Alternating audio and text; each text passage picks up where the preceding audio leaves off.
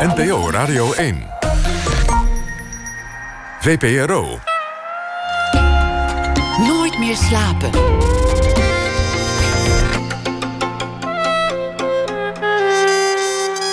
Met Atze de Vriezen. Welkom eh, bij Nooit meer slapen. Straks na half twee de podcast De Man is Lam. Podcastmaker Rashif El Kaoui die onderzoekt wat het vandaag de dag betekent om een man te zijn. En het komend uur zit tegenover mij tot een uur of half twee Jonica Smeets. Welkom, mijn gast van vanavond is hoogleraar in Leiden en ze heeft ook een keer in de Donald Duck gestaan. En ze drinkt cola bij het ontbijt. Drie waarheden uh, over mijn gast van vanavond dus. En welk van de drie sprak u het meest aan?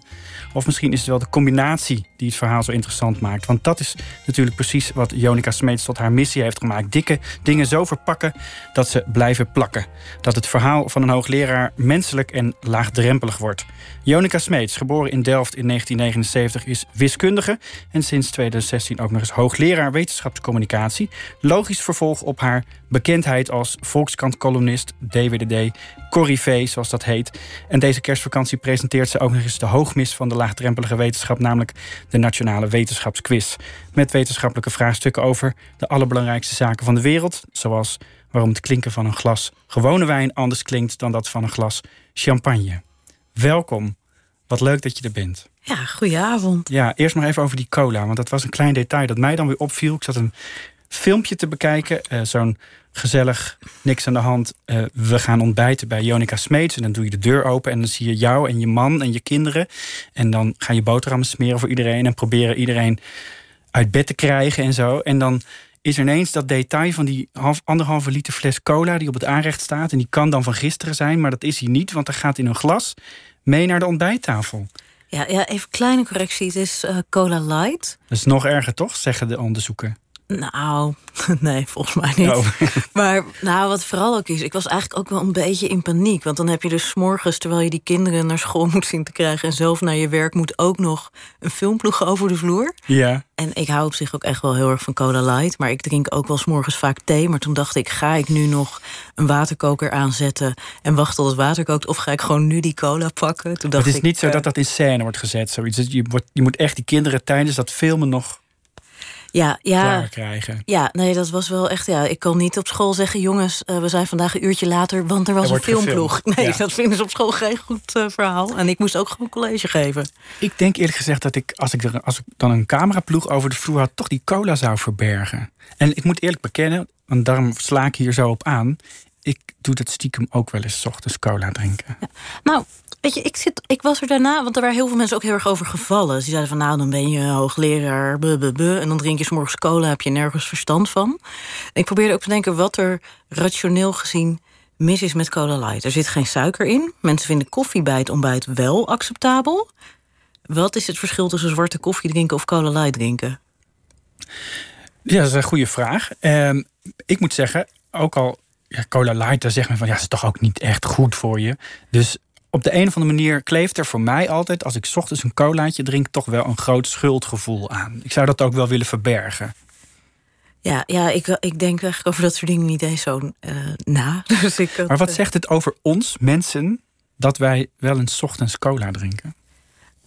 Ja, ik, ik, denk vooral praktisch. Er moet gewoon wat cafeïne in om op gang te komen. En ik hou niet zo je van koffie. koffie. Nee. Ja. Nou, we zijn nog van goed gezelschap, want Donald Trump die schijnt ook de hele dag door cola te drinken. Oh, oh, ja. Die heeft zelfs een uh, rode knop in zijn Oval Office zitten, die dus niet zorgt voor de ontploffing van een atoombom, maar voor een butler die dan met een koud blikje cola light. Oh, ja, ik hoorde ook terug dat uh, de, uh, de baas van de Nederlandse ik vergeet dat waar de afkorting voor staat, NWO. De Nederlandse wetenschaps... Wetenschappelijk onderzoek. En er zit denk nog iets tussen. Ja. ja. Dat, dat die drie liter cola light ook per dag wegwerkt. Dus wow. dacht ik, nou, waar hebben we het Dat over? ene colaatje in de ochtend, gun me dat. Ja. ja. Nou, krijg je daar meteen commentaar op? Ja, ja, gelijk. Ja, ja heel veel, ja. Want je wordt dan geacht omdat jij wetenschapper bent... en omdat je probeert dingen te ontrafelen die niet deugen... word je ook geacht om bij je ochtendritueel het allemaal goed te doen. Ja, en ik moet ook zeggen, het was een filmpje in een reeks. Dus het ging over naar hoe mensen dan die ochtendspits doorkomen. En dat inderdaad alle andere mensen eigenlijk wel heel erg granola en fruit aan het eten waren. Waarvan ik ook dacht, je dit echt elke ochtend doen? Dat, uh, dat vroeg ik me wel een beetje af. Ja, ja, ja precies. Nou, ik, ik vind het eerlijk gezegd wel voor je pleiten. Ik voel nu meteen een soort connectie. Goed, de wetenschapsquiz, want daar ben je hier voor. Uh, je presenteert hem al een paar keer en het is ook nog eens een bijzondere, want de 25e editie, een lange traditie. Uh, is het de hoogmis van de toegankelijke wetenschap? Dat is heel lastig om te zeggen als je hem zelf presenteert. Maar ik. Uh, je, kent hem ook van voordat je hem zelf presenteert. Ja, ik keek hem altijd. Dus ik weet nog echt de, de allereerste. Dus in 1994 uh, met Wim T. Schippers. Toen zat ik met mijn hele uh, familie op de bank. bij mijn familie in Limburg. En ik weet nog echt met mijn oom en mijn vader en mijn oma. En iedereen deed mee. En ik heb hem elk jaar gekeken, ook elk jaar meegedaan. En wat ik heel grappig vond, dat ik altijd dacht dat wij dat deden omdat wij uit een gezin kwamen... wat dit soort dingen nou eenmaal keek met elkaar. En toen zei ik dat een paar jaar terug tegen mijn moeder. En zei ze, nou Jonica, dat zat een klein beetje anders. Want uh, jij wilde hem toen zo graag zien... dat je de hele familie hebt omgekletst. Ja. ja. dus toen was ik 15 toen die eerste was. Het heb ik dus mijn hele familie zo gek gekregen... om dan uh, mee te doen. Is, is, is zo'n zo'n nationale wetenschapsquiz eigenlijk elk jaar hetzelfde? Of zit daar door de jaren heen een soort ontwikkeling in? Nee, er zit wel ontwikkeling in. Dus als je kijkt bijvoorbeeld in 94 had nog niemand bijna thuis internet. Want wat natuurlijk een van de aardige dingen van deze quiz is, is dat die vragen vooraf bekendgemaakt worden. En dat er ook uh, een hele groep mensen is die daar dan op gaat zitten puzzelen voor de uitzending. Dat is natuurlijk, ja, dat gebeurt niet meer bij heel veel andere tv-programma's volgens mij. En vroeger kon je dus gewoon vragen inzetten. Uh, die je nu zou kunnen googlen. Dus je moet nu veel meer nadenken over wat is wel en niet snel te vinden online. Uh, er is ook de laatste jaren echt heel bewust gezocht naar meer vragen vanuit de geesteswetenschappen en de sociale wetenschappen. Dus het was vroeger echt nog veel meer een beta-quiz. En er wordt ook altijd heel erg mee geworsteld, want je wil niet een weetjesvraag, dus je moet zoeken naar redeneringen. En verder, ja. Er zit zelfs een taalkundevraag in, geloof ik, dit jaar, hè? over varkens en vlinders. Ja, ja, ja, nee, dat is echt ook, en dat is ook echt een leuke taalkundevraag. Ja, en uh, dus dat, ja, en verder zitten altijd allemaal kleine bewegingen. Wat ik heel lastig vind, wat je ziet als iets langer bestaat, dat je de neiging krijgt om het steeds ingewikkelder te maken. Dus wat op een gegeven moment, er zit altijd, uh, zat er de Archimedes-vraag in. Iets met iets onder water of ijsblokjes die smelten. En dan wat gebeurt er met het waterpeil? En er zitten ook heel lang dezelfde redacteuren op. En die begonnen dus steeds krankzinnigere varianten hiervan te bedenken. Want ze dachten, ja, alle andere versies hebben we al een keer gehad. Maar ja, er is natuurlijk, ja, er zijn misschien drie kijkers die dan zullen zeggen. Oh, maar in 1997 zat deze vraag er in een andere variant ook verstopt in. Ja, iets soortgelijks gebeurde ook bij het groot dicté. Hè? Dat, is, dat is een tijd lang van de buis verdwenen. Komt nu terug op de radio. En ik hoorde degene die het nieuwe dicté geschreven heeft... die zei van ja, het is onzin dat degene die wint 25 fouten heeft. Dat kan niet, want die moet eigenlijk gewoon goed kunnen schrijven. Dus reken erop dat de winnaar nu misschien wel foutloos gaat schrijven. Uh, en dat vond ik eigenlijk wel een interessante stelling. Want het gaat natuurlijk allemaal over de balans van een quiz. Voor mij ben jij echt een quizmens. Ja, ja, ik hou wel heel erg van quizzen. Ja, ik ben ook net als ik meedoe, dat ik ook altijd ga denken: wat is er niet goed aan bedacht en hoe kan ik daarvan profiteren? hoeveel, wat is nou eigenlijk, wat zou een goede balans zijn voor die wetenschapsquiz? Ik heb altijd meer dan de helft fout. Dan voel ik me heel dom. Ja, nou ja, op zich is het altijd drie keuzes. Dus je zou, als je puur gokt, maar een derde hebben. Dus als je dan tussen de een derde en een half zit, doe je het al beter dan gokken. En uh, het ligt heel wissend. Dus ik moet ook zeggen, ik maak hem ook nog steeds elk jaar zelf. Dus het eerste jaar dat ik hem presenteerde niet. Toen heb ik de fout gemaakt om gewoon, zoals een soort normale presentator... Uh, dat ik dan in de voorbereiding gewoon de vragen met de antwoorden kreeg. En toen baalde ik er eigenlijk enorm van. Want ik zat elk jaar die quiz te maken. Nu presenteerde ik hem. En dan was ineens dat uh, plezier weg. Dus daarna heb ik gezegd, ik wil de vragen zodra ze er zijn zonder antwoorden. Uh, dan is de Presenteert ook anders waarschijnlijk. Ja, ja, en de redactie heeft er dan nu ook wel zoveel lol in... dat ik ook pas de antwoorden krijg nadat ik mijn antwoorden heb gestuurd. En ik heb dus ook, ja, ik heb meestal van de 15 zeg tien goed of zo, dus twee derde. Maar ook toch gewoon nog steeds vijf fout. Dat voelt als acceptabel. Ja, nou, wat ik zelf heel vervelend vind als je iets fout hebt wat je goed had kunnen redeneren als je beter na had gedacht. Terwijl heel vaak bij de wetenschapsquiz heb je iets fout, omdat er iets is wat je niet wist. En dan, uh, nou, dan leer je daar iets van. En dan was de redenering die je had eigenlijk best wel goed. Maar er blijkt nog een effect te zijn waarvan je nog nooit had gehoord. En dan is dat eigenlijk heel tof om het fout te hebben. Zijn er ook van die vragen waar echt werkelijk iedereen de mist bij ingaat? Een bepaald type vraag, wat gewoon eigenlijk. Ja, er is zo'n statistiekvraag. eh, die stel ik ook elk jaar voor. En dan zegt de redactie dus ja, die hebben we al gehad. Maar elke keer als je hem opnieuw doet, hebben mensen hem weer fout. Dat gaat over. ehm, ehm, over eh, als je bijvoorbeeld heel veel mensen test op een zeldzame ziekte. En die test is 99% betrouwbaar. En je krijgt te horen dat jij die ziekte hebt. Wat is dan de kans dat je het echt hebt? En als je dat uit gaat rekenen, dan is dat meestal heel, heel laag. Terwijl iedereen zegt intuïtief 99%. Terwijl in de meeste voorbeelden, als je het concreet gaat doen, is het 1%. En die kan je er eigenlijk elk jaar in een of andere vorm inzetten. En dan heeft gewoon toch weer bijna iedereen fout. Ja, dus met, met statistiek gaat eigenlijk ook iedereen de mist in, toch? Ja, nee, dat is echt heel tegenintuïtief. En wat ik ook heel aardig vind bij de wetenschapsquiz... dat we ook heel vaak zelf niet zo goed in kunnen schatten... eh, wat er gaat gebeuren. Dus bij de, bij de studio, bij de kandidaten... maar ook bij de mensen thuis. En we doen altijd een proefronde eh, met wat studenten. En we hebben ook al een paar keer gehad tijdens die proefronde... dat mensen eigenlijk heel veel goed hadden. Dat we dachten, ja shit, weet je dit jaar is de quiz echt zoveel te makkelijk... En dan bleek dat gewoon voordat je een paar heel rare studenten had die net alles wisten. Die overal bovenuit, eh, boven het gemiddelde uitstaken. Ja, en ik heb ook wel eens gehad, dat was, eh, ik weet niet, dat was toen Tex de Wit meedeed als kandidaat. Toen hadden we een wiskundevraag waarvan ik echt dacht, dit gaat nooit iemand goed hebben. En ik had me er helemaal op verheugd, dat ik die dan echt goed uit kon leggen. Helemaal nagedacht over de uitleg. En toen deed Tex de Wit mee. En die had hem gewoon goed en die legde hem ook uit ook. Ik dacht, nou, dan kan ik als presentator over wat anders gaan doen. Dat zijn bijzondere mensen die, die echt heel goed zijn in dat soort. Er is ook een soort. Er is ook ooit een keer een film gemaakt over iemand die alle quizvragen goed. Dat soort fenomeen, quizfenomenen, die hebben ook iets romantisch, toch? Ja, ja, dat is waar. Ja.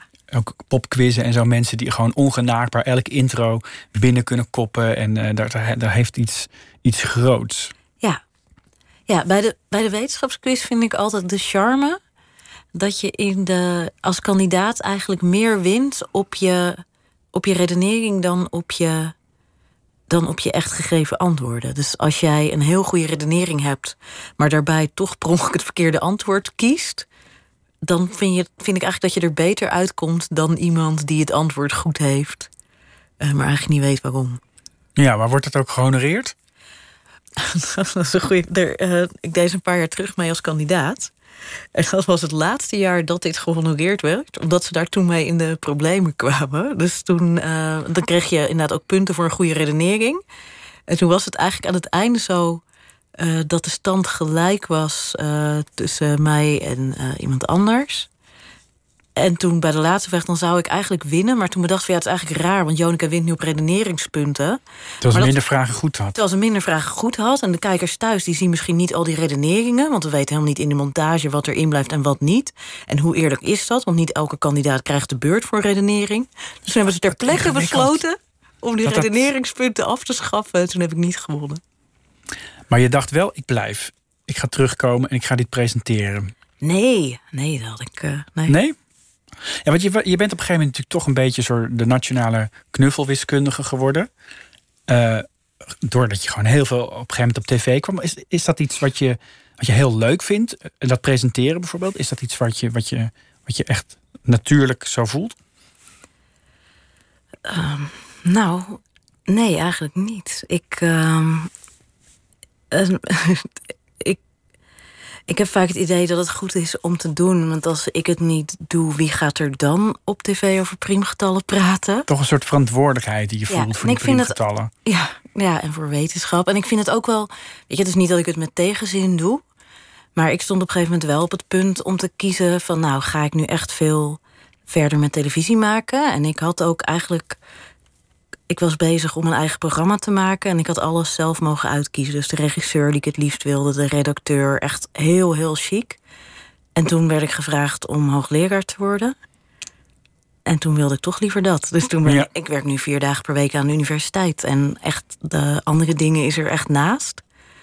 Wat ik wel toen het leukste vond toen ik mijn oratie gaf... en daar stond in mijn toga dat die regisseur van het programma... wat ik toen afgeblazen heb, er wel stond. En zei van, nou, goed gedaan. En hij stuurt af en toe nog wel een appje van, nou hè, ja. lukt het nog? Dat verzoek om hoogleraar te worden, zat dat eraan te komen of kwam dat uit het niks? Ehm, nee, het, ik had op een gegeven moment ehm, zelf dat ik merkte dat ik de universiteit wel miste toen ik een paar jaar weg was. Dus ik heb na mijn promotie ben ik een paar jaar helemaal zelfstandig uh, wetenschapsjournalist geweest. En ik miste heel erg de studenten. En ik had eigenlijk toen bedacht van nou, wat nou echt te gek zou zijn als je over een jaar of 10, 15 terug kunt naar de universiteit. En ik zag een beetje voor me zoals Bas Haring het had, waarmee ik veel had gewerkt, die dan een paar dagen per week aan de universiteit werkte en dan nog allerlei andere dingen deed. En uh, dacht nou, dat zou wel wat zijn voor de lange termijn. Maar dat ging toen een beetje sneller uh, dan gepland. En ik heb iemand opgevolgd die met pensioen ging. Ja, wat is je grootste eye-opener in die twee jaar die je nu achter de rug hebt als hoogleraar? Nou, puur vakinhoudelijk. Um, ik kwam vanuit de wiskunde en daar is wetenschapscommunicatie doen eigenlijk totaal anders dan in welk ander onderwerp. Dus bij wiskunde ben je eigenlijk alleen maar bezig met goed uitleggen en zoeken naar metaforen en manieren om dingen over te brengen. Het is echt heel erg informeren. En daar hangt natuurlijk relatief weinig van af. Dus als je niet weet wat bepaald soort getallen zijn, dan heb je daar misschien niet zo heel veel last van in je leven. Terwijl heel veel andere wetenschapscommunicatie uh, gaat over dingen die veel meer op levens uh, inhakken. Je hebt over gezondheidszorg. Ja, dat keuzes voor medische behandelingen. Um, dat, dat is allemaal een stuk ingewikkelder. En dan blijkt dus dat in heel veel van die dingen uh, dat informeren een heel slechte manier is om met mensen te communiceren. En Hoe bedoel je dat? Nou, dus dat heel veel wetenschappers denken van nou, het gaat, wetenschapscommunicatie gaat erom dat je informatie geeft en dat je die zo goed mogelijk uitlegt. En dan ben je klaar. Dan komt het allemaal goed. maar dat is niet zo. Dus als je kijkt naar het vaccinatiedebat, uh, dat mensen tegen vaccineren zijn, dat is niet omdat ze een tekort aan informatie hebben. Want die mensen hebben heel veel informatie. Die lezen heel veel. Alleen het zijn andere dingen dan wij misschien zouden willen dat ze lezen. Maar het is niet en dan heb je er vrij weinig aan om die mensen uit te gaan leggen hoe je denkt dat het zit, want daar overtuig je ze niet mee. Dat is echt een groot probleem, lijkt me.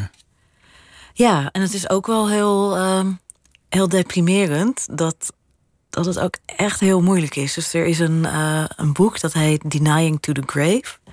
En dat gaat erover dat mensen aan de ene kant, dus dat die titel Denying to the Grave zegt iets over de vasthoudendheid. Dat mensen echt, weet je wel, zich helemaal vasthouden aan hun standpunt en de, tot ze het graf ingaan, uh, niks verandert wat ze vinden. En aan de andere kant ook dat het uh, echt mensenlevens kost. Dat mensen wetenschappelijke kennis ontkennen. En dat boek belooft dan op de achterflap van... nou, wij gaan opschrijven wat er niet goed gaat... en dan geven aan het einde een methode voor hoe we dit gaan oplossen. En dat hele boek is het ene deprimerende voorbeeld na het ander. Dus bijvoorbeeld dan hadden ze ouders die um, hun kind wil, niet wilden laten vaccineren. Uh, omdat ze geloofden dat dat autisme veroorzaakte. Nou, dat, is... dat hoor je meer, hè? Ja. Die, uh, dat argument. Ja, en er is ooit eens een uh, fraudeleuze wetenschapper geweest... die daar een studie over heeft gepubliceerd. Maar dat, die man, hij is uit zijn ambt gezet. Die studie is teruggetrokken. En, um, maar dat blijft door etteren, die, dat, dat, dat onderzoek. Ja, en, nou ja, ja, en het is ook heel. Um, het, is, uh, het is ook wel. Dat je, er zijn ook best wel veel verklaarbare redenen waarom dat zo is. Dus bijvoorbeeld autisme wordt ook vaak ontdekt rond de tijd dat kinderen ingeënt worden. En het is dan ook niet zo heel raar dat ouders zo'n verband leggen van nou, er was nooit iets aan de hand. Krijgt het kind zijn inentingen, blijkt ineens autistisch. Ja, bij een baby van twee maanden zie je het heel vaak nog niet. Dus dat is ook wel heel, uh, heel lastig. Maar is het echt zo simpel dat mensen dat verband doen, zien... Op, om, omdat het nou eenmaal rond dezelfde leeftijd zich aandient? Nou, zo simpel is het nooit. Maar dit is een van de dingen die wel echt, denk ik, heel erg meespelen. Dat dat dan rond diezelfde tijd komt. En dat je dan heel snel naar een reden zoekt. En dat er dus ook heel veel informatie is die zegt dat dat verband er is. Maar dan is er dus een studie gedaan van... nou, hoe ga je nou met dit soort ouders hierover praten? En hadden ze een studie opgezet waarbij ouders dan met twijfels hierover met een arts konden praten. En die arts legde uit van nou, wat weten we wetenschappelijk? Want er is echt veel onderzoek naar gedaan. Want het is namelijk ook niet dat artsen zoiets uh, weglachen. Weet je, als er zo'n bijwerking zou zijn, dan wil je dat heel graag weten. Dus er zijn echt grote studies naar gedaan. En dan gingen die artsen met die ouders daarover praten. En dan, um, ja, dan zeiden die ouders aan het eind van het gesprek... nou oké, dank u wel dokter. Um, u heeft ons inderdaad overtuigd dat uh, vaccins geen autisme kunnen veroorzaken. Maar? Maar we hoorden zoveel andere dingen waar we ons nu zorgen over maken dat we toch ons kind niet gaan inenten. En dat soort verschijnselen, het is echt uh, ja, killing. En dat hele boek gaat zo door. En dan is het laatste hoofdstuk, um, ja, dat komt er dan op neer. Ja, we moeten meer met elkaar praten en, uh, ja, en succes. Niet, het klinkt niet echt als een oplossing, toch? Het is natuurlijk een typisch internettijdperk-probleem ook. Want zo'n studie over autisme en, uh, en vaccin, dat zou, dat zou die mensen nooit bereikt hebben waarschijnlijk. Al was het maar omdat het in de wetenschap alweer verworpen is. Um, dat is iets waar, het, waar de wetenschap, eh, voor zover dat al als, als één ding te zien valt, een antwoord op moet vinden hoe je daarmee omgaat. Alle complottheorieën zijn te vinden als je het maar wil. Ja, ja, dat speelt ook wel meer. Dus als je ook specifiek naar, naar vaccinatie kijkt, is dat. Ja, eerst was eigenlijk niet heel erg te doen dat mensen erover nadachten. Dus je had niet zoveel informatie en je deed het maar gewoon. Eh, de overheid is ook echt actief gaan stimuleren dat mensen bewust een eigen keuze mogen maken. Dus dan krijg je ook natuurlijk eigenlijk haast automatisch dat, het, dat de vaccinatiegraad zal dalen. Is dat op zichzelf een goed idee of is dat eigenlijk een grote fout? Dat vind ik heel lastig. Ik denk dat ik toch liever in een land leef waar een overheid zegt je mag het zelf beslissen en dat dan maar de vaccinatiegraad daalt, dan dat je in een land leeft waar de overheid zegt je moet het gewoon doen omdat wij het zeggen. Want dan kunnen ze ook allerlei andere dingen verplichten die je misschien niet wil. Ja, dus uiteindelijk moet je dan toch maar blijven uitleggen. Ja, ja, en ik denk ook ja, dus dat je dat en niet alleen uitleggen, ook dus de andere dus een echt gesprek voeren en ook zoeken naar wat je, waar je het over eens bent. Dus dat is ook vaak dat heel veel van dit soort. Uh, als je ook kijkt op internet naar. Dus je hebt bijvoorbeeld dat zondag met Lubach filmpje gehad over vaccinaties. Ken je dat nog? Ja, ja zeker. Nou, dat was heel grappig. Je, dan werden die moeders die dan twijfelden echt een beetje neergezet uh, als mafkezen. En, en zo'n filmpje is, is heel grappig als je al aan dezelfde kant staat. Maar ik hoorde dat er ouders waren die met serieuze vragen over vaccins bij het consultatiebureau kwamen. En dat toen de arts daar zei van nou, je moet dat filmpje van zondag met Lubach kijken. Dat en die voelde zich niet serieus genomen. Nee, natuurlijk niet. Nee. En je, ja, dus dat, dat soort. En dat zie je ook dus meer serieuze voorlichtingsmaterialen. Die toch heel erg de ander neerzetten als een idioot. Terwijl die ander gewoon probeert het beste te doen voor zijn kinderen met informatie die hij heeft. Eh, er is niemand die denkt, nou, ik ga het nu echt even lekker verpesten voor mijn kinderen. Ja, nou hebben we natuurlijk de laatste tijd. Het gaat over, dit gaat over een onderzoek dat eigenlijk al afgeserveerd wordt. We hebben het de laatste tijd ook heel veel over fake news. En dan heb je het ook over mensen die doelmatig fake news in de markt proberen te zetten. Heel veel ingewikkelder lijkt mij. Wat denk ik voor heel veel mensen nu de belangrijkste manier is om nieuws tot zich te nemen. De Blendel kop, om het zo maar even te noemen. Er is ergens iets verschenen in een blad. Uh, en dan komt de Blendel en die maakt een nieuwe kop. En die bekt nog even lekkerder. Kijk jij daar met extra interesse naar? Hoe dat gaat, die verblendelisering van het nieuws? Nee, maar dat zou wel een goede zijn, inderdaad. We hebben wel gekeken naar hoe dingen steeds meer overdreven worden in alle stappen. Dus we hebben gekeken naar wetenschappelijke artikelen en hoe die dan in het persbericht worden opgeschreven en daarna in de media. En ik gok inderdaad dat elke slag met koppenmakers eroverheen het nog erger maakt. Maar dan zou je natuurlijk ook weer moeten testen hoe ver het blijft hangen. Dat vraagt me ook wel eens af. Als je dan een heel overdreven kop hebt, maar de rest van het artikel nuanceert het wie ziet dan de rest en hoeveel indruk maakt de kop? Hoe moet je dat onderzoeken? Hoe kun je dat onderzoeken? Welke van de. Nou, hoe, hoe uh, wetenschappelijk nieuws zich vertaalt naar een groot publiek en hoe het aankomt. Ja. Ja, we hebben, wat wij nu net hebben gedaan, is echt puur kijken naar de inhoud. Dus dan laat je de stap van hoe het overkomt los, omdat die vaak veel uh, lastiger te kwantificeren is. En dan moet je heel goed nadenken wat je, wat je wil doen. Dus wij hebben puur gekeken naar de sterkte van beweringen. Dus dan zie je dat wetenschappers heel voorzichtig formuleren van nou, we hebben een verband gevonden tussen het drinken van rode wijn en het krijgen van kanker. En dan zie je dat er een nieuwskop uh, komt die zegt wijn veroorzaakt kanker, punt. En dat is natuurlijk niet, het, niet hetzelfde. En dat is redelijk makkelijk te. Uh, nou, redelijk makkelijk, het is veel werk, maar dat kan je natuurlijk vrij sec analyseren waar dat vandaan komt. En je kan natuurlijk ook onderzoek doen naar wat mensen onthouden, hoe mensen het vinden. Dus er zijn ook wel studies gedaan dat ze mensen dan krantenkoppen hebben laten lezen. En dan zeggen van nou, hoe zeker denk je dat er nu echt iets aan de hand is? En dan zie je inderdaad dat bepaalde uh, bewoordingen veel meer indruk maken dan andere. Ja, je, je, hebt het, je had het net even over de, de, de. Toen we hier binnenkwamen over de, de spaaractie van Freek Vonk. En dat is natuurlijk een hele nieuwe vorm. Kinderen die een plaatjesboek krijgen in de, in de, in de supermarkt, waar ze vroeger voetbalplaatjes voor spaarden, of dieren van het Wereld Natuurfonds, sparen ze nu allerlei wetenschappelijke dingen. Ben je daar nu actief ook mee bezig? Nou, ik niet, maar mijn studenten wel. Dus dat is wel heel leuk. We hebben, ik, ik leid dus een opleiding uh, wetenschapscommunicatie en specialisatie in Leiden. En dat zijn allemaal beta-studenten die dan een jaar bij ons communicatie doen. En heel toevallig was er net, uh, deze week hadden we de eindpresentaties van hun projecten. En er heeft een groepje heeft gewerkt aan zo'n plaatjesverzamelactie voor het periodiek systeem. Nou, dat is ideaal, want dat zijn er gewoon 118 die je allemaal kan sparen. En dat is nog bedacht hoe je tot de 160 komt. En ik vind het altijd wel heel interessant om na te denken hoe je dingen in andere vormen kan doen en wie je ermee bereikt. En wat je het doet. periodiek systeem, hoe, hoe Kijk, kijk, wat, wat Freek Vonk natuurlijk altijd heel goed doet, is een dier uitkiezen dat iets bijzonders kan. Ja. Dat heeft het periodiek systeem natuurlijk van zichzelf niet. Dat is iets heel abstracts.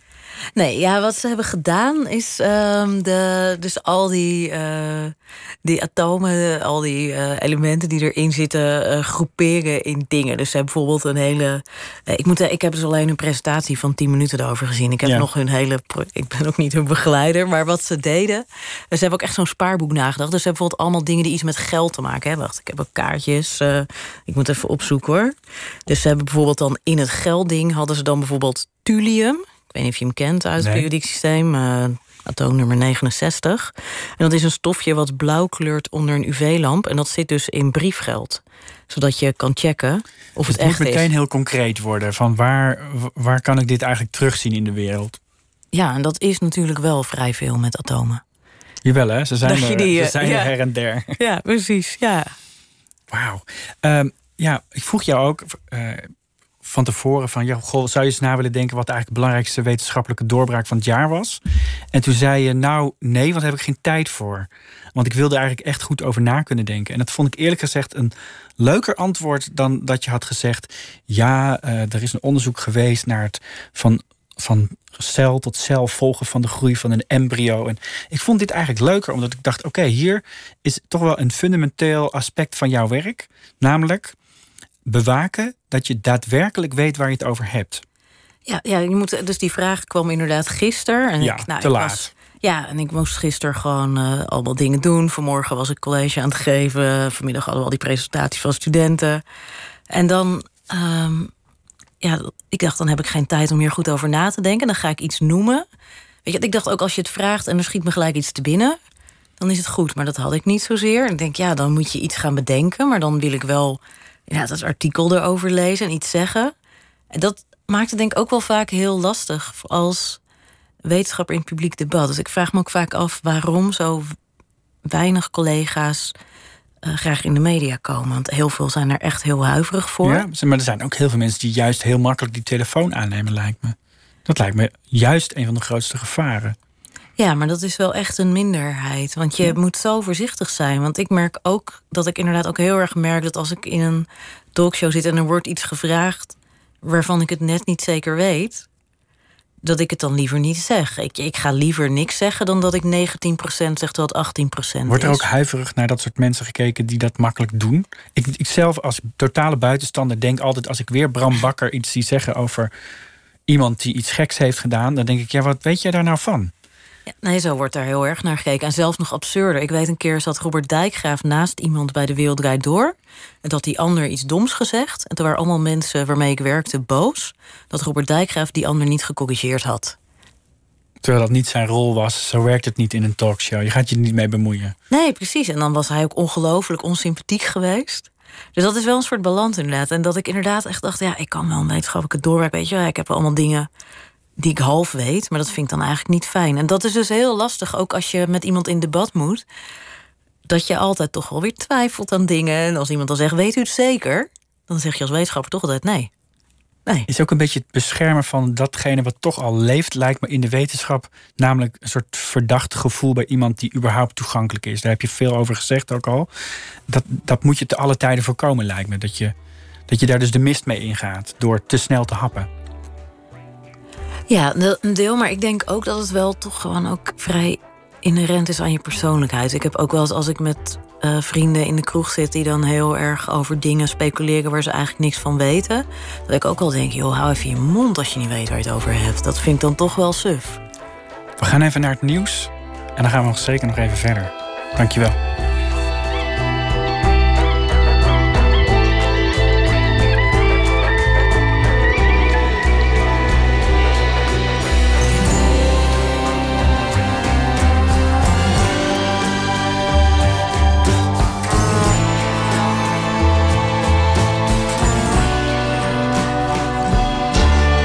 Radio 1.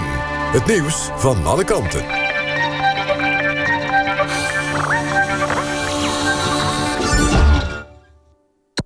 NPO Radio.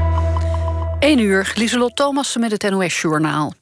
Bij protesten in Barcelona zijn zeker 60 mensen gewond geraakt. Zo'n 40.000 aanhangers van separatistische Catalaanse partijen... protesteerden tegen de komst van de Spaanse ministerraad... naar de Catalaanse hoofdstad om daar te vergaderen. De betogers noemen dat een provocatie. De politie had vanwege de protesten bijna 9000 agenten ingezet. 13 mensen zijn opgepakt. Immigranten die illegaal vanuit Mexico de Verenigde Staten binnenkomen... houden het recht om daar asiel aan te vragen. Het Amerikaanse Hoge Rechtshof heeft het plan van president Trump afgewezen... waarin de immigranten hun asielrecht zouden verliezen. Trump wilde met zijn voorstel deelnemers aan een grote karavaan van duizenden migranten uit Centraal-Amerika bij de grens tegenhouden. Burgers gaan niet de rekening betalen voor de vervuiling van bedrijven, belooft het kabinet in reactie op het gepresenteerde ontwerp Klimaatakkoord. Er is bijvoorbeeld afgesproken dat veel meer huizen van het gas af moeten. Het kabinet zegt dat iedereen de maatregelen moet kunnen begrijpen en betalen. Met het Klimaatakkoord moeten de broeikasgassen in Nederland worden teruggedrongen. In Nepal zijn 21 mensen omgekomen bij een busongeluk. 15 inzittenden raakten gewond toen de bus van de weg raakte... en 500 meter lager tot stilstand kwam. De passagiers waren studenten en leraren van een technische hogeschool... die terugkwamen van een excursie. De marathonkerkdienst in Den Haag voor een uitgeprocedeerd Armeens gezin gaat door. Ook al wil staatssecretaris Harbers niet zijn bevoegdheid gebruiken om het gezin in Nederland te houden. Er zijn al acht weken non-stop diensten in de kerk. De politie mag niet bij een kerkdienst binnenvallen om het gezin uit te zetten.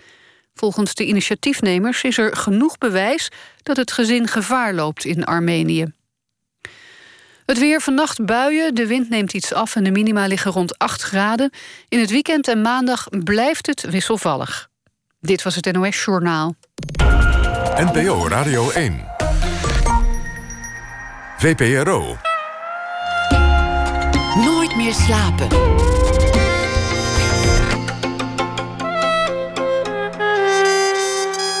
Met Atze de Vriezen.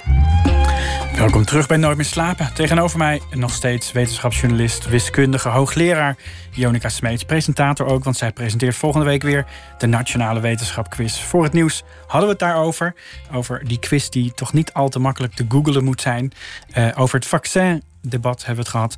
En uh, over de ja, de aandrang die je moet zien te weerstaan om te snel te happen als er van je gevraagd wordt om even ergens commentaar op te geven. Dat is toch wel een mooi streven, vind ik eigenlijk voor mezelf ook. En ik heb nog wel een totaal onbelangrijk eh, vakgebied. Ik praat heel vaak over popmuziek. En dan eh, heb je toch een beetje hetzelfde wel, eerlijk gezegd. Uh, ik ben een echte alfa. En ik zat, zo voel ik mij in elk geval, ik zat van de week een, een oude andere quiz te kijken waar je in zat. Dat was namelijk De Slimste Mens, een paar jaar geleden. En toen zag ik de onfeilbare Maarten van Rossum, die altijd uit losse pols daar wat roept, die zei: Ja, het verschil tussen alfa's en beta's, dat bestaat eigenlijk niet. Want alfa's, dat zijn eigenlijk mensen die zijn gewoon, ja, die geven gewoon veel te makkelijk op als het een beetje te moeilijk wordt. En toen dacht ik: Ja, zeg, hallo. Is dat nou eigenlijk zo? Bestaan er verschillen tussen alfa's en beta's? Um, nou, Nee, maar ik, ik vind wel, ik dacht toen ik wiskunde studeerde wel. Terwijl aardig ook dat Maarten van Rossum dit zei, die zelf natuurlijk de ultieme alfa uitbeeld. Um, ja. Dat ik dacht vroeger wel toen ik wiskunde studeerde, dat wat veel wiskundigen wel denken, dat wij alles inderdaad wel zouden kunnen als we zouden willen. Maar daar ben ik wel van teruggekomen. Ik denk dat heel veel beta's niet kunnen wat goede alfa's wel kunnen. En andersom. Ik denk wel dat als ik specifiek naar wiskunde kijk, dat mensen daar inderdaad wel vaak afhaken terwijl het niet nodig is. En Ja? een van de mooiste illustraties is een, eh, is een journalist. eh, en die werkte ook aan eh, Cornell of iets, zo'n soort heel prestigieuze universiteit. En dan gaf hij ook college. En hij had ook weet je, allemaal grote prijzen gewonnen. En had nooit iets met wiskunde gedaan. En hij wilde toen op een gegeven moment een of ander soort vervolgopleidingje doen. Eh, maar daar bleek hij dan wiskunde voor nodig te hebben. En dacht hij, weet je wat, dan ga ik dat gewoon eens serieus nu doen. Dus toen was hij al in de 50. En toen ging hij gewoon met Kijken de... of je dat nog kan leren. Maar toen ging hij gewoon ja, met de eerstejaars gewoon echt eh, algebra 101 ging hij als eerste doen. En toen kwam hij tot een paar schokkende conclusies. Namelijk dat hij echt nog nooit zo hard ergens voor moeten had moeten werken. Terwijl het echt een onderzoeksjournalist was die echt gepikkeld had en dingen had gedaan, heel extreem. Maar echt zo hard werken als voor dat eerstejaars wiskundevak. Nou, dat was echt hardst wat hij ooit gewerkt had. Dat was conclusie 1. Maar conclusie 2 was ook als hij dat deed, dat hij een 10 kon halen. En dat hij het ineens snapte. En toen zei hij dat, begon hij dat ook te vertellen aan mensen. En zei ze, ja, maar dat komt natuurlijk omdat jij een echte beta bent. En zei ja, hallo, ik heb tot mijn vijftigste altijd gezegd dat ik een alfa was en dat ik het niet kon. En nu ga ik me er helemaal kapot voor werken en dan haal ik een tien. En dan wordt er gezegd, maar je bent eigenlijk een beta. Dus het, ehm, ik, ik geloof niet zo heel erg in de, in de tegenstelling. Ik denk ook dat het heel, heel kwalijk is dat je. ehm, als ik ook naar de universiteit kijk, dat er heel veel wordt gesproken over eh, interdisciplinair samenwerken. Maar dat mensen dan meestal bedoelen dat ze samenwerken met iemand binnen een andere niche-discipline binnen hun eigen vakgebied. En als je echt gaat samenwerken met mensen. Dus bijvoorbeeld, ik doe onderzoek naar, naar dat, hoe nieuws zich verspreidt en vertekent. Dat doe ik dan met mensen van geesteswetenschappen. Ja. En met communica ja, veel communicatie-experts. dat zijn sociale wetenschappers of geesteswetenschappers. En dat is super leerzaam. En, ehm, maar ik heb niet het idee dat dat nou wezenlijk andere mensen zijn. Toch wordt bij bijna iedereen, we hebben het, het gaat vaak over, ja, je bent dan eh, goed op school en dan ben je slim en dan, maar er is toch ergens altijd een moment waarop een etiket op je geplakt wordt. Jij bent een alfa, jij bent een beta. Kan jij je nog herinneren wanneer jij voor jezelf besloot of jou verteld werd, ik ben een beta? Eh, nee, want dat was nooit. Nee? Mijn lievelingsvak op school was Nederland. Ik had hogere cijfers voor Nederland dan voor wiskunde. Echt? Ja, echt. En eh, ik heb ook heel serieus overwogen om algemene letterkunde of iets te gaan studeren. Ik was heel goed in scheikunde trouwens, bedenk Nou. ik me nu. Nou, maar ik heb wel ooit gehad dat er een geschiedenis of een scheikundeleraar op een ouderavond tegen mijn moeder zei: Ja, als ze die denkt dat, eh, dat hij met een heel goed verhaal uit kan leggen waarom het antwoord anders is dan dat het eigenlijk is. Maar zo werkt het niet bij scheikunde. En dat is eigenlijk, eigenlijk heeft Maarten Rossum misschien toch wel gelijk.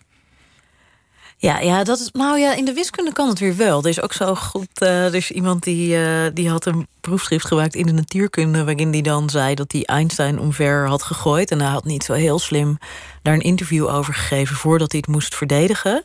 En toen eh, had Gerard het Hoofd, de beroemde natuurkundige, daar lucht van gekregen. En die heeft dat hele proefschrift toen afgekraakt. En toen is die promotie niet doorgegaan. Maar daarna is diezelfde jongen cum laude in de wiskunde gepromoveerd. Want daar hoeft het niet over de echte wereld te gaan. En als het dan een prachtig wiskundig model is. Dat is eigenlijk min of meer hetzelfde verhaal. Ja. Ja, maar dat kan natuurlijk. Je kan een prachtig wiskundig model hebben wat een heelal beschrijft. Maar als dat niet ons heelal beschrijft, is dat voor de natuurkunde is het fout. Maar in de wiskunde niet. Ja, maar je hebt dus ook op een gegeven moment word je dan wiskundige en dan ga je alleen nog maar, en dan zit je in je opleiding, kom je alleen nog maar echte beta's tegen. Staan die mensen dan anders in het leven dan die alfa's? Ja, je, nou ja, god, dit is allemaal wel heel erg generaliseren. En ik ben natuurlijk geen antropoloog. En ik moet zeggen, tijdens mijn studie werkte ik dan één dag per week bij een theater en een bibliotheek. Dus ik eh zat Je hebt het altijd heel erg opgezocht dat de anderen. Ja, en ik moet ook zeggen dat mijn meeste vrienden bij de beta's zijn ook zo. Dus als ik kijk naar mijn vrienden die ik opzocht bij wiskunde, dat zijn ook allemaal mensen die van boeken lezen houden en naar theaters gaan en die eh, ja, van beentjes houden en cultuur. van bandjes. Misschien moeten we daar even heen. Um, een van je favoriete bands. Laten we er gewoon eerst even naar gaan luisteren. Bell Sebastian, The Boy with the Arab Strap.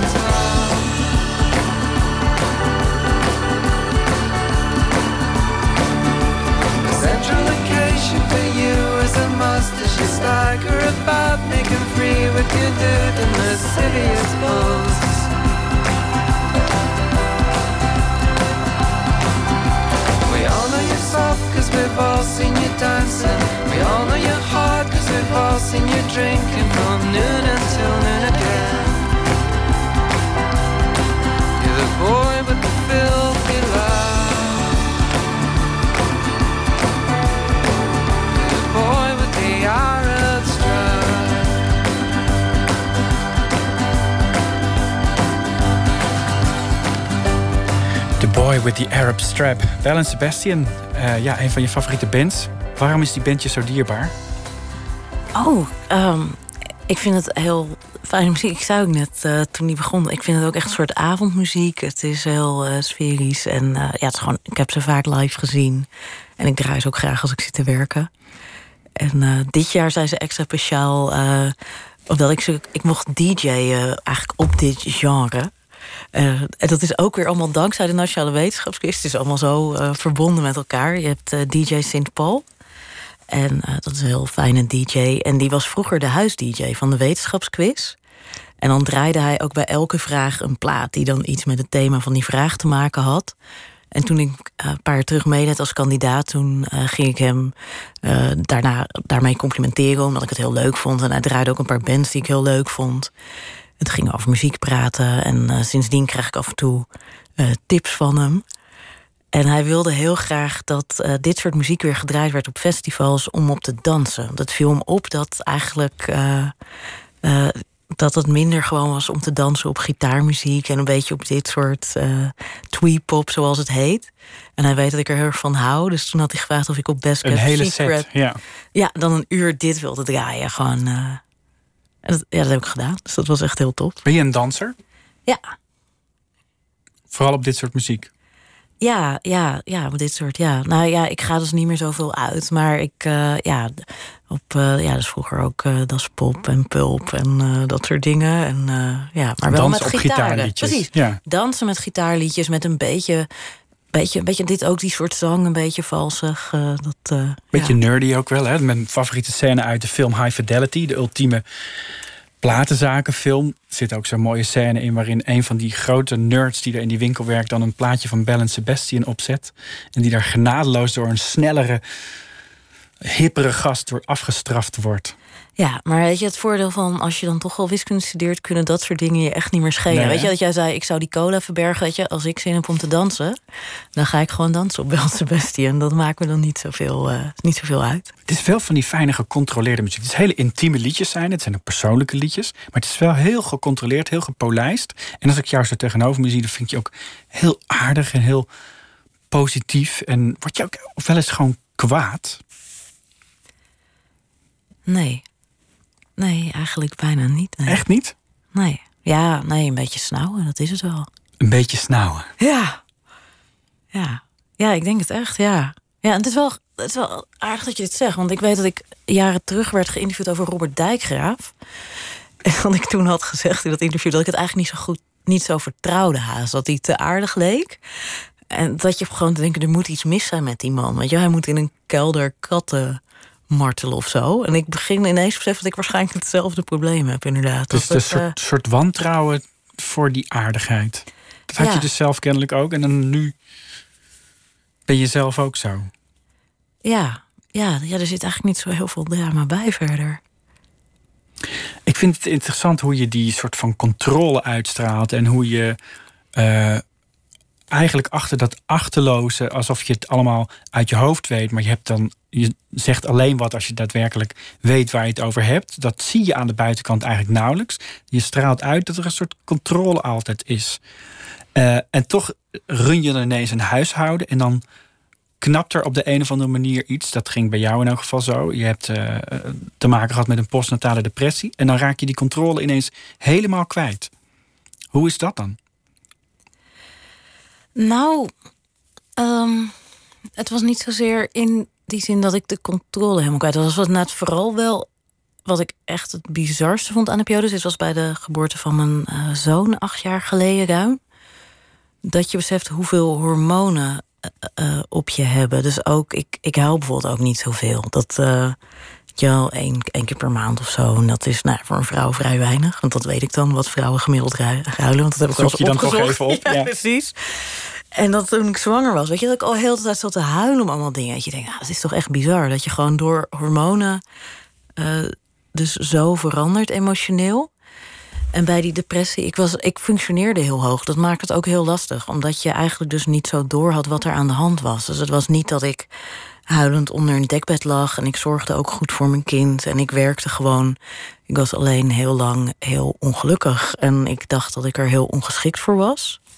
Ongeschikt. Ja, ja ik dacht, ik, ja, dus ik, ik vind het ook altijd heel belangrijk om dat te benadrukken. Want ehm, ik heb er heel erg over nagedacht: van moet je überhaupt wel over praten dat je een postnatale depressie hebt gehad? En ik vind het heel. Want het is privé. Ja, en ik vind het tegelijkertijd vind ik het heel belangrijk dat je beseft: van, ja, maar het- als je er niet over praat, dan maak je het nog moeilijker voor vrouwen die het tegenkomen. En dan heerst er nog meer een taboe op. Maar wat ik heel belangrijk vind om erbij te benadrukken, dat ik nooit heb gewild dat mijn kind er niet was. En dat kan ook erbij gebeuren, maar ik zou dat heel erg vinden als mijn zoon dat ooit hoort. En ik heb altijd gedacht toen ik in die depressie zat... dat met dat kind niet zoveel mis was. Eh, maar dat het echt in mij zat. Dat ik echt dacht van nou, ik ben hier gewoon niet geschikt voor. Mijn vriend is een heel leuke vader en heel natuurlijk.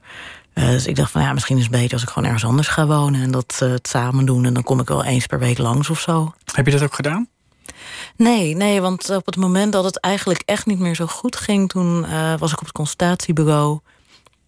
En het ging ook heel de tijd heel goed met mijn zoon. Dus mensen vroegen ook vaak... Um, van ja, het is natuurlijk heel zwaar hè, met die uh, slapeloze nachten. En ik denk, ja, ja, die van mij slaapt gewoon door, weet je wel. Geen slapeloze nachten bekennen. Dus ik had ook het idee dat ik niet mocht... Je mocht niet klagen, want het ging eigenlijk veel beter dan je voorspeld was. Ja, dus dan denk je, ja, wat, wat heb je nou te klagen? Je kan gewoon goed slapen, dat kind doet het allemaal goed. Het is een lief kind, hij is niet moeilijk, hij is gezellig. En als je het dan desondanks ook niet leuk vindt, dan zal het wel aan jou liggen. En toen was ik bij het consultatiebureau en toen hadden dus alle controles gehad. Nou, en alles ging goed.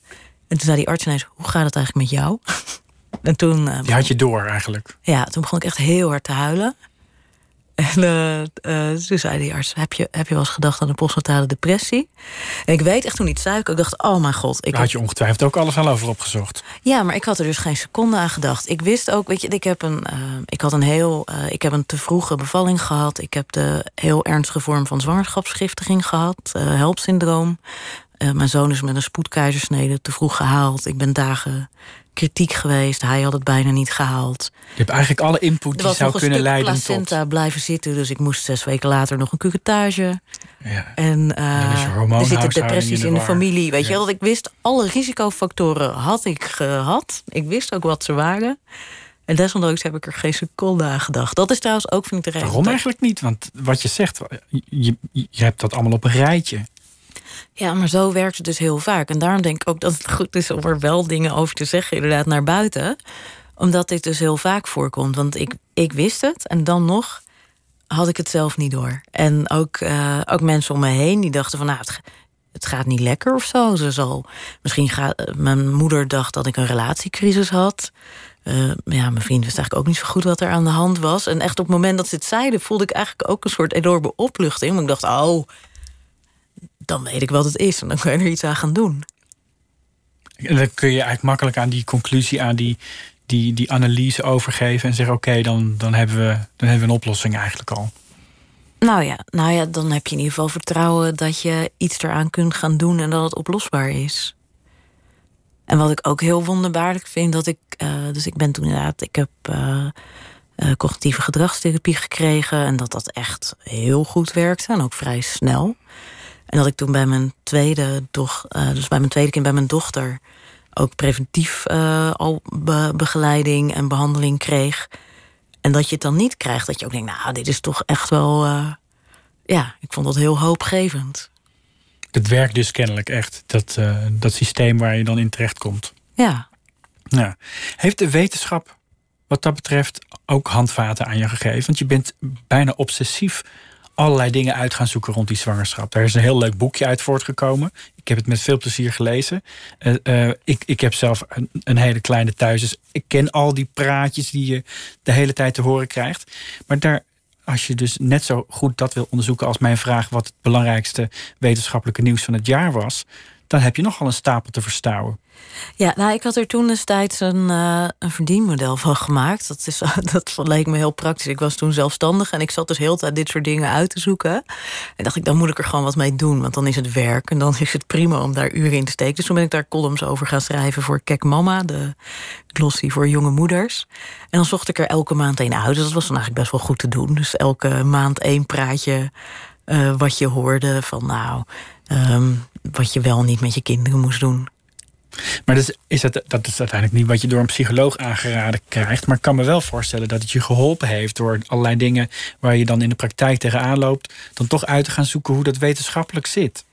Ja, ja, dat hielp bij die depressie uiteindelijk dus helemaal niks. Dus dat nee? is dan weer het slechte nieuws. Dan kan je alles uitgezocht hebben. En dan gaat het gewoon nog mis. Het heeft wel in het algemeen geholpen dat je ziet dat eigenlijk heel veel van die adviezen die je heel de tijd krijgt over opvoeding niet zo heel stevig uh, gefundeerd zijn. En dat de wetenschap er helemaal niet zo uit is. En uh, Weet je wat ik eigenlijk het engste vind? Ik vond het, wat ik al zei, ik heb dat met veel plezier gelezen, dat boekje. En er staan dingen in over, nou ja, bijvoorbeeld uh, dat kinderen heel druk worden van suiker. Of, uh, uh, of het een goed idee is om vast bloemkool te gaan eten als je zwanger bent, zodat je kind later heel makkelijker bloemkool eet. Nou, er zijn heel veel dingen waarvan ik dacht, oh, dat vind ik leuk om te weten hoe het nou zit. Dat is twee weken geleden. En nu weet ik eigenlijk van minstens de helft, eigenlijk al niet meer of het nou uiteindelijk wel of niet waar was. Ja, ja, daar zie je dus dat hele punt hè, waar we het eerder over hadden. Dat mensen informeren in de wetenschap dus eigenlijk een heel ineffectieve methode is. Dus heb jij zelfs nu als geïnteresseerde een heel boek gelezen. Uh, ja, ja, de vraag is wat je daarmee moet. Weet je? Als je het echt zou willen, dan had je dus na afloop even voor jezelf een samenvatting moeten maken van de vijf punten die je echt belangrijk vond. Maar dat doet dus niemand. Nee, dat doet niemand. Nee. Is dat niet een, dat is misschien wel een nog groter probleem? Dat mensen die geïnteresseerd zijn, die er helemaal voor openstaan en die uiteindelijk het ook begrijpen, die dan alsnog misgaan. Dat is nog weer een ander. Maar je hebt natuurlijk wel een voordeel. Als je nu iets tegenkomt waarvan je het je afvraagt en je weet dat je het ooit gelezen hebt, dan kan je het weer opzoeken. Dat is natuurlijk wel een voordeel. Ja. Als het voor jou iets belangrijks is. Ja. Dat scheelt al. Dat je een kleine voorsprong hebt, dat je het nog kan opzoeken. Ja, en ik moet ook eerlijk zeggen, uh, dus er zitten uh, ruim vier jaar tussen mijn kinderen. En ik heb intussen al die dingen geschreven. En dat ik dan zelf ook niet meer wist bij mijn tweede nee. kind. En dat ik op een gegeven moment was ik iets aan het opzoeken over zinnelijkheidstraining. En toen dacht ik eens, oh wacht, heb ik dat niet gedaan? En toen moest ik ook mijn eigen boek erbij pakken om te kijken. En toen dacht ik, oh, wat zeg ik daar verstandige dingen over? Wat handig. Dus dat, uh, ja. Wat zeg ik daar verstandige dingen over? Ja. Ja. Ja, nou ja, heb je toch weer wat geleerd van jezelf. Um, ik vind het wel interessant, want je, je, je bent wat dat betreft heel open en toegankelijk. Ook, je laat mensen dingen van jezelf zien. En dat is iets wat in de wetenschap eigenlijk helemaal niet zo heel normaal is. Wetenschappers die gaan praten over hun theorie en over hun werk. Het doet er verder helemaal niet toe wie ze zijn. Eh, dat lijkt me wel een trend ook, dat je dit meer ziet. Dat de, de, de wetenschappers die het meest zichtbaar zijn, die, die moeten we ook leren kennen. Is dat belangrijk? Ja, ja want wetenschap is natuurlijk uiteindelijk gewoon mensenwerk. En een van de dingen ook, denk ik, juist dus in een tijd waarin mensen heel veel onzin vinden uh, op internet en daar heel erg in meegaan, is denk ik vertrouwen heel cruciaal. En ik denk als jij als wetenschapper alleen een keer naar buiten komt, als je een soort iets te verkopen hebt, dat dat ook een beetje flauw is. Ik zie het ook vaak wel als een soort dat je denkt van, nou ja, dan moet je ook eens komen als je niet per se voor jezelf er iets aan hebt, maar als mensen graag willen dat je iets komt vertellen en je denkt van, nou, dan, dan ga je dat ook eens doen. En dan is het ook wel leuk toch dat je je persoonlijkheid erbij laat zien. Maar het is ook een heel. Het is een interessante balans. Want uiteindelijk, als iemand een theorie presenteert, dan moet die, uh, die persoon natuurlijk in alle mogelijke manieren overstijgen. Het gaat niet over de persoon die dat bedacht heeft, natuurlijk. Nee, maar de vraag is bijvoorbeeld: moet degene die die theorie uiteindelijk naar de buitenwereld presenteert, uh, degene zijn die hem bedacht heeft? Er zijn heel veel mensen die heel goede theorieën bedenken, maar die je echt niet op tv moet zetten om het te vertellen. Dus dan is het misschien helemaal niet zo erg als zij een collega hebben die dat dan voor hen doet. Het voelt een beetje als de sportpsycholoog die het taboe is bij de voetbalclub, waar penalties genomen moeten worden en mensen met de druk moeten omgaan. Zo voelt het een beetje. Ik kan me voorstellen dat er ook wat dat betreft veel sceptisch vanuit de wetenschap op dat soort rollen komt. Of valt dat wel mee? Het is heel lastig. Ik heb juist het idee dat er um, in deze tijd juist meer waardering voor is. Omdat uh, de wetenschapgemeenschap ziet juist dat het kwetsbaarder is en dat het meer. Uh, dat je meer moet doen om die band met de samenleving te versterken. En je hebt nu ook. Dus je hebt die hele nationale wetenschapsagenda gehad, die bedoeld was om vragen die juist in de samenleving uh, spelen, om die dan met de wetenschap aan te gaan pakken. En ik heb juist eigenlijk heel vertrouwen in dat het juist serieuzer wordt genomen. Dus dat er ook steeds meer mensen aan het nadenken zijn. Hoe waarderen we nou de mensen die het doen? Uh, beter. Dus ik, ik denk dat het eigenlijk, ben er eigenlijk wel optimistisch over. En als je nou kijkt naar de, de belangrijke ontwikkelingen van dit jaar, de boze burgers, de mannen in gele hesjes, de demonstraties, welke rol zie je daar voor de wetenschap? Nou, dat weet ik niet. Uh, jongen, jongen, is het. Uh, nou ja, het is het half twee. Het is vrijdagavond half twee. Ja, precies. Nou ja, maar kijk, we, hebben we begonnen deze avond met. een mening over nou, hebben? ik vind het zo interessant omdat. Kijk, uiteindelijk, we begonnen de avond met Trump, die dan weliswaar Het ging vooral over zijn blikjes cola. Maar dat is iemand die voortdurend uh, zowel de journalistiek als de wetenschap onderuit probeert te halen. Door gewoon maar wat te doen en zeggen dat, dat wat hij zegt de waarheid is. En je ziet dat het een, een, een brede ontwikkeling is. Waar de wetenschap op de een of andere manier toch een antwoord op moet, vind, moet vinden. Ja, ik, ik ben bang. Dat gebeurt ook in Nederland, toch? Ja, maar ik ben bang dat er niet één antwoord is. Dus ik, ik, en ik ben ook toch wel heel erg van school. Weet je, had ook Hans Rusling, die uh, helaas overleden is met zijn factfulness, die eigenlijk liet zien dat de wereld in grote lijnen steeds beter wordt. En dat het eigenlijk op alle vlakken langzaam beter gaat. En ik geloof dat, dat vinden nog we steeds... niet fijn om te horen eigenlijk. Nee, maar ik geloof wel dat dat zo is. Dus volgens mij moet je zorgen dat je daarom blijft werken, dat het vooruit gaat. Dat je mensen die het gevoel hebben dat ze achterblijven, uh, dat je die serieus neemt. Dat je kijkt wat we kunnen doen om het beter te maken voor die groepen. Ik vind bijvoorbeeld heel belangrijk wat je ziet, is dat heel veel wetenschappers, als ze naar buiten gaan, uh, vooral naar de makkelijk te bereiken publieken gaan. Dus dat je juist naar mensen gaat die het al met je eens zijn. Uh, en ik denk dat we veel meer moeten inzetten op naar de mensen gaan die het niet met ons eens zijn. Dus uh, ga inderdaad juist eens praten met de gele hesjes en de PVV-stemmers die je normaal niet spreekt, om te kijken wat er speelt. En dus dat is denk ik wel iets wat je als wetenschap veel meer moet doen. Gebeurt dat? Maken mensen daar een begin mee? Ja, volgens mij. Want de wetenschap is van oudsher echt een ivoren toren natuurlijk. Echt bedoeld voor de elite. En dat is denk ik in jouw generatie, mijn generatie, wel echt aan het veranderen. We zijn wat dat betreft ook de eerste generatie waarin je bijna uitgelachen werd als je niet ging studeren. Dat gaat misschien nu weer veranderen, omdat studeren allemaal weer duurder wordt en leningen en bladibla. Ja, en er zijn dus bepaalde groepen waar dit minder is. En daar moet je wel wat aan doen. Dat er bepaalde groepen zijn waar het nog steeds niet vanzelfsprekend is als je gaat studeren. Dat, dat vind ik echt wel heel jammer. Ja. Wat wordt er op dit moment door jou onderzocht? Wat is, wat is het ding waar je nu het meest mee bezig bent? En misschien in bredere zin aan je vakgroep.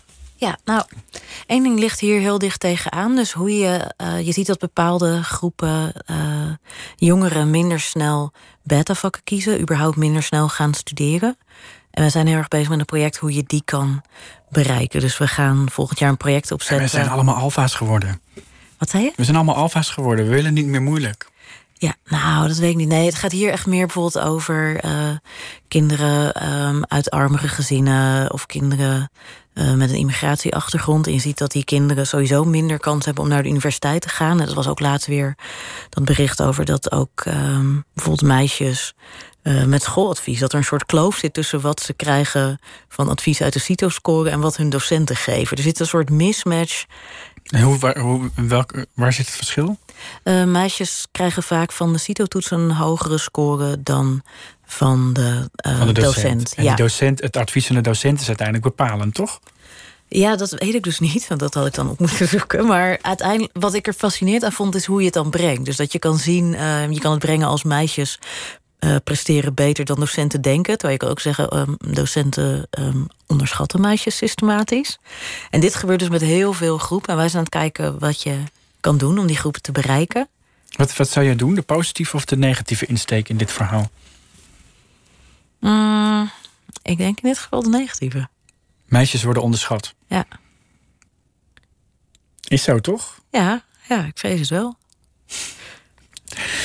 We gaan, we gaan afronden. We gaan uh, binnenkort uh, je op, bij de wetenschapsquiz weer zien. En dan uh, hopen we dat de meisjes net zo hard hun best doen als de jongens. Op de vragen over champagne. En ja, ik had hem goed. De vraag over. Hoe weet je ik heb dat? alvast gespiekt.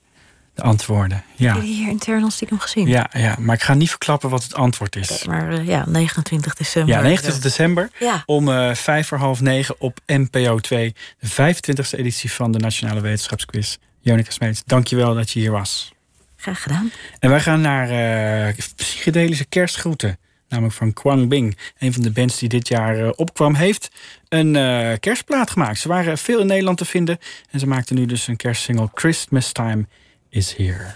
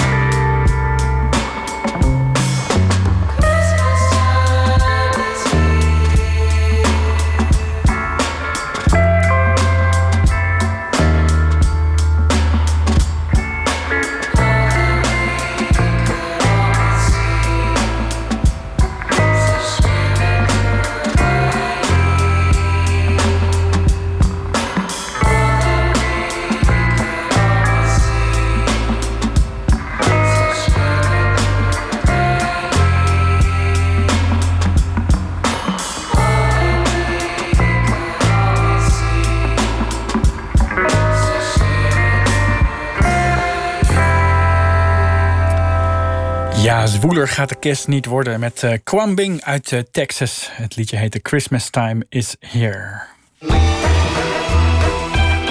Nooit meer slapen. Podcastmaker Rashif El Kawi die heeft het hele jaar onderzoek gedaan naar wat het betekent om vandaag de dag man te zijn. Het werd een uh, hele persoonlijke zoektocht waar we zeer van hebben genoten. We zenden daarom uh, de podcast De Man Islam de komende dagen gewoon nog een keer helemaal uit. Vandaag deel 1, waarin uh, Rashif aan zijn gasten vraagt wanneer ze zich voor het eerst man voelden.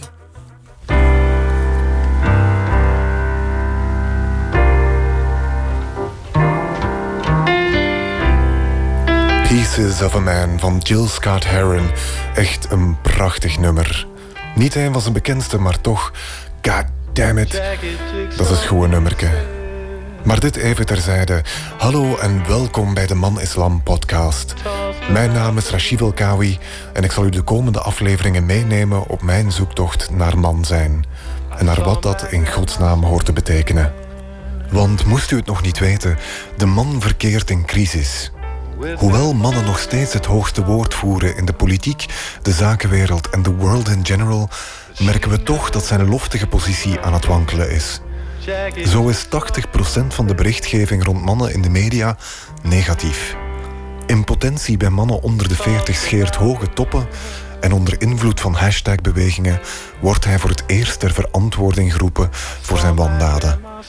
Voor het eerst in de geschiedenis heeft het begrip mannelijkheid een negatieve connotatie gekregen.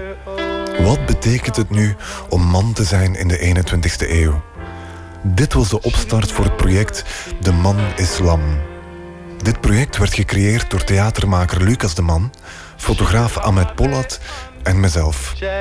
Wij spraken zo'n 200 mannen en vrouwen in België, Nederland en Turkije over wat het voor hen betekent man te zijn of met mannen om te gaan. De gelijknamige voorstelling van Lucas toert nog steeds doorheen Nederland en België. De tentoonstelling The Myth of Men van Ahmed was reeds te zien op de Biennale van Istanbul en binnenkort ook in Boston. En deze podcast vormt de derde poot in dit crossmediale, multimediale, grensoverschrijdende project. Aan de hand van gesprekken, interviews, mijn zoetgevoelige stem en nutteloze geluidsfragmenten als deze Spartans! What is your profession? Zal ik proberen een beeld te schetsen van de man vandaag. De man in de 21ste eeuw. Van echte mannen tot verwijfde mannen, van hipsters met baarden tot moslims zonder baarden. Van monniken in wording tot gigolo's. De man is een complexer wezen dan tot nu toe gedacht. U heeft het misschien al geconstateerd. Ik ben zelf ook een man. Mijn zoektocht met ongetwijfeld maatschappelijke relevantie is ook een persoonlijk verhaal. Ik begon mijn onderzoek met de vraag aan mezelf: wanneer voelde ik mij voor het eerst man? Wanneer had jij voor het eerst het gevoel: nu ben ik een man? Voor mij was dat toen ik elf jaar was. En de band met mijn vader was altijd nogal moeilijk, problematisch. En ik zag hem ook nog heel weinig tegen die tijd. Hij kwam altijd in het weekend, maar dat was dan door de laatste jaren minder en minder. En dan kwam hij nog één keer in het jaar.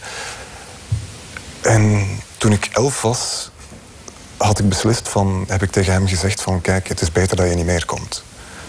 Omdat wanneer hij kwam, was er altijd onvrede of...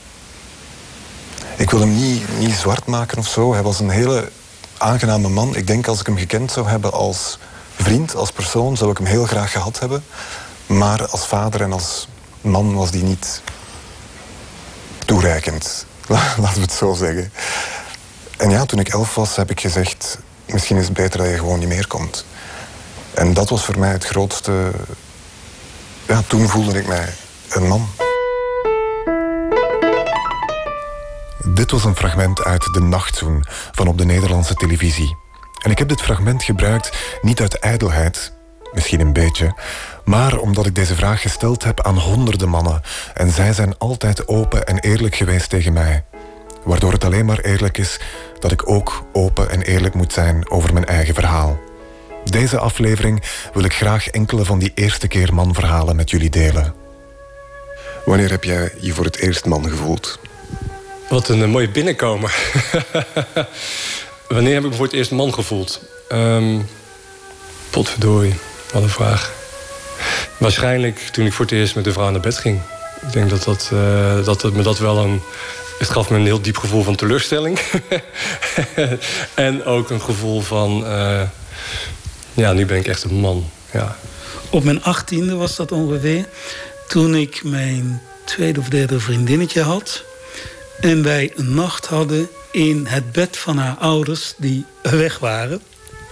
En ik voelde dat seksualiteit ook met liefde te maken had. Toen ging mijn hart open en uh, een ontzettend geweldige nacht gehad. Bam, toen was ik er 18. Uh, ik weet precies waar het gebeurde.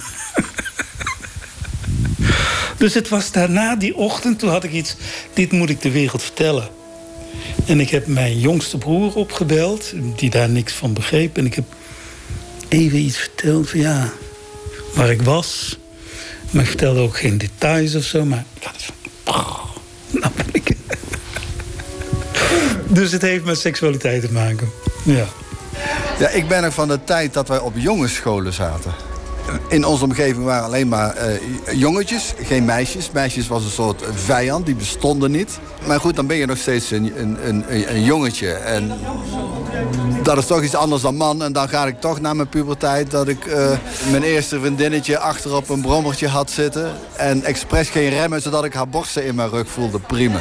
Zo, dat je dan echt van, van nou ben ik een, een, een man met seksuele gevoelens.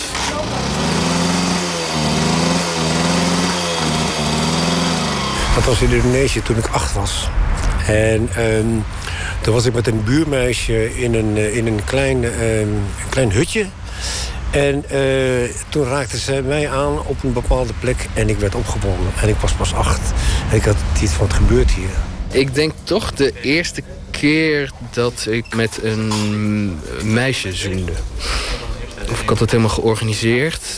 En ik denk dat in die organisatie daarvan, want we gingen naar een verlaten kerk toen, en dat was allemaal heel illegaal en spannend.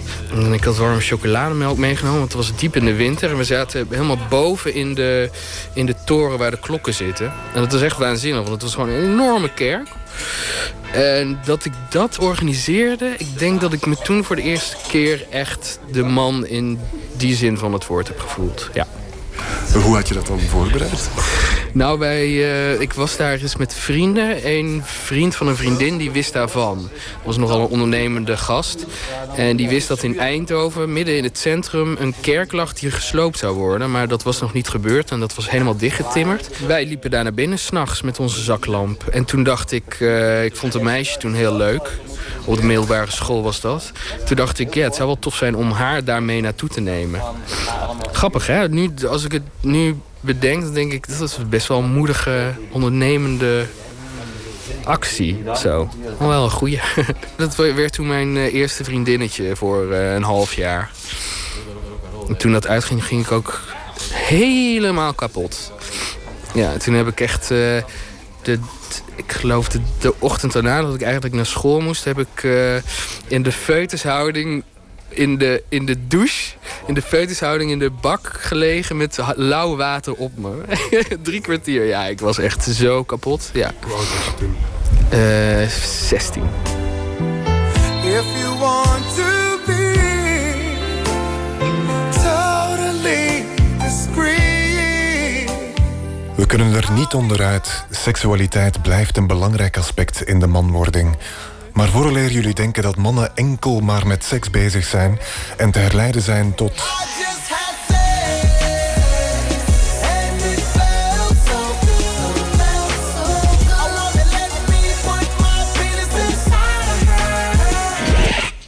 Is het tijd voor andere verhalen, zoals deze. Hey, weet je wanneer ik mij als eerste keer de man voelde? Ik heb een zus die ouder is en ik heb twee jonge zusjes. Die jonge zusjes sloeg ik zeg maar, dan wel in elkaar. Dat was zeg maar, fysiek wel te doen. Maar mijn oudste zus die was al groter dan ik. Dus tot een bepaalde leeftijd was ze altijd sterker dan ik. En ik kan hem een keer in de zomer... Hij weet dat ik altijd die details onthoud. Dit was in mei. Dit was tussen 10 en 24 mei. Wanneer weet ik niet. En dit moet in het jaar 96, 97 zijn. En toen uh, kreeg ik ruzie met mijn zus. En ze had dan vaak de, ja, eh, eh, vaak sloeg ze mij dan in elkaar. En die dag heb ik haar helemaal totaal losgeslagen in de tuin. Bij ons thuis, bij mijn ouders. En toen die dag voelde ik me een man. En wat gebeurde toen? Ik heb mijn skin, dat is echt niet normaal. Ik heb elke eens verteld. Ik heb gewoon een week lang, elke keer als ik van school kwam... ging ik haar opzoeken om, om haar aan te pakken. Want ik dacht, hey, van, ik ben eindelijk fysiek zeg maar, zo in staat om haar nu aan te pakken. Dus vanaf dat, dat was zeg maar het eerste keer dat ik me een man voelde. En dat ik dan ook soort van de baas over mijn zussen werd, weet je. Van, nou ben ik echt... Uh, want ik zeg maar, ik heb een, de, mijn broer is de oudste thuis. Uh, qua hiërarchie gezien was hij altijd de baas over ons, zeg maar, in, in het spelletje. En dan, uh, omdat mijn zus ouder dan, dan, ik was, viel ik daar net... Maar op een moment dat ik dingen schoof, schoof ik aan bij mijn broer... was ik soort van ook de man thuis. Zo, dus eigenlijk was dat is echt zonder gein. Ik, ik praat nou echt serieus, hè.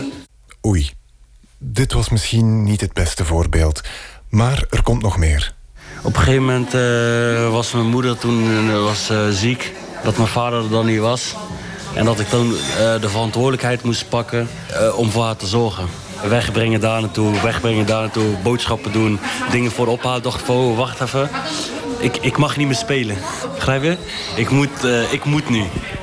En dat was denk ik, voor mijn gevoel had ik zoiets van, oh, nu, nu wordt het van mij gevraagd. Begrijp je? Om voor iemand te zorgen. En, en de tijd dat je voelt dat, dat er van je wordt gevraagd dat je voor iemand moet zorgen dat jij voor iemand moet zorgen, dat was voor mij uh, toen wel een beetje het besef van... Uh, uh, ja, nu, nu moet ik een man zijn, nu, nu, nu moet ik me een man voelen, nu moet ik me als een man gaan ga gedragen en voel ik me ook als een man. Ja, ik heb nou denk ik ook nog in één keer eentje komt bij mij binnen. Nou. Ken je hitzone, hitzone nog? 13, 12, 11. Ik zat in de brugklas om ze te kopiëren. Ik ging ze kopiëren. Had ik alles gefixt. En uh, ik, ik had dan... Nee, nee, echt heel zo'n kopie. Uh, deze dan branden. En dan uh, die met printpapier die kaft ook zelf gemaakt. En dan had ik er 50 of zo gemaakt. En ik had de allereerste keer, zeg maar, dat ik iets ook mijn eigen geld ging verdienen. Want dat was de allereerste keer dat ik zelf... Ah, dat was niet normaal. Ik had drie cd's verkocht. 15 gulden per stuk, per stuk verkocht ik ze. Of voor 10 gulden, dat weet ik niet meer. Want ik weet niet meer hoe, hoe ze in de winkel waren. En uh, in ieder geval, ik, was, ik had de helft goedkoper. Dus als ze 30 waren, kocht ik ze voor 15 of 20 kost ik voor 10. Het was hit zo'n 11 trouwens.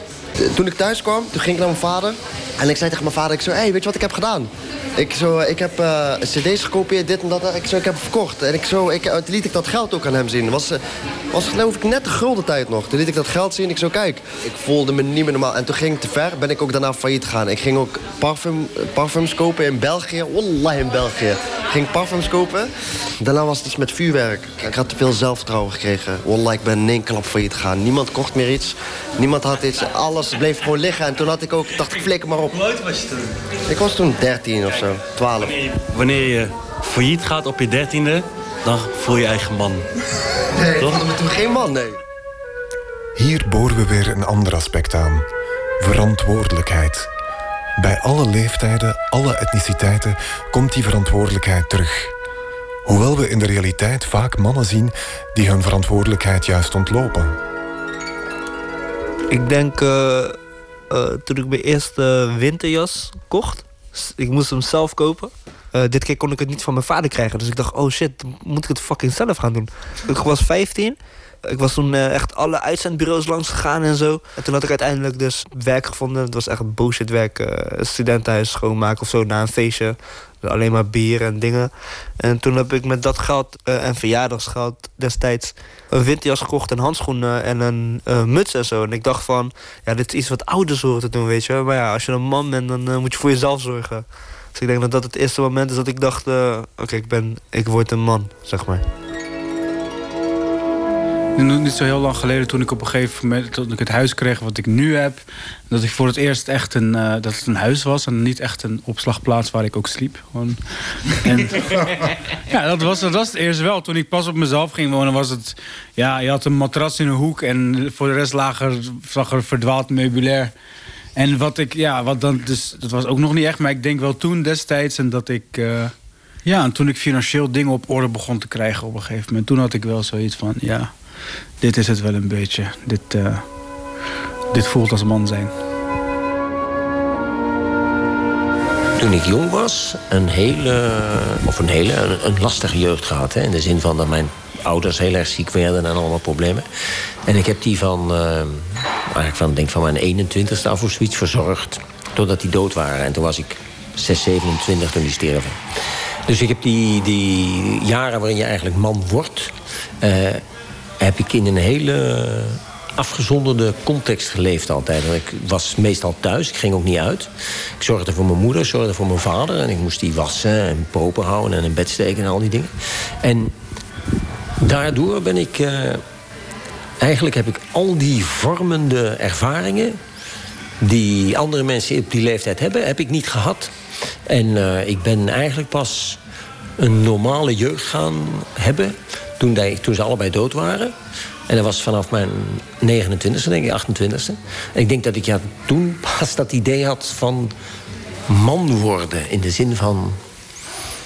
Dus niet in de zin van verantwoordelijkheden dragen, want dat heb ik heel vroeg gedaan. Maar in de zin van doen waar je zelf zin in hebt. En volledig instaan voor je eigen gedrag. Maar heren, waar zijn de clichés? Waar zijn de vechtpartijen? Waar zijn de toeken op haar bakkes? De eerste keer dat ik me als man voelde, ja, toen heb ik een, uh, een gevecht gestopt. Dus ik ben tussen een gevecht ingesprongen, zeg maar, om uh, te zorgen dat dat uh, niet escaleerde dan dat het al was. Dus ik denk dat dat de eerste keer was dat ik echt, ja, dan dacht ik zo, kijk mij. Ah, gelukkig. Een verwachting bevestigd. Tijdens het onderzoek naar man zijn ben ik ook beland in Istanbul. Ik was verbaasd om te merken dat mijn eerste keer manvraag op dove oren viel. De meeste antwoorden lagen in de trant van... A man is a man because he is a man. Mannelijkheid werd gezien als iets dat je bent, niet iets dat je wordt. Maar ik wil jullie dit antwoord toch niet onthouden. When was the first time I've had like a man? Actually, for my experience, it was more uh, the way I experienced generic masculinity was like negative because it was always the things that I do wrong or the things that I shouldn't do. That's actually how I how I understand the borders of where I am or what comes with me as a carrier of a penis should do in the life. Like I'm not, I'm trying to not over dramatize it, but this was actually my experience because I was I was bullied during uh, elementary school, and I really didn't understand why people were bullying me in the beginning because I was just being myself as I was in the home. But when I was in the public in elementary school, people all of a sudden were just like making fun of my moves, making fun of my talk, and my family was like. Um, they were very liberal they were very open so they didn't actually like they didn't reflect me anything about what a man should do but it was for me maybe probably in the elementary school that i was like very strongly bullied by other male students and i just didn't understand what was the problem. And that was my first experience what masculinity was and what was expecting from me to act or perform in a way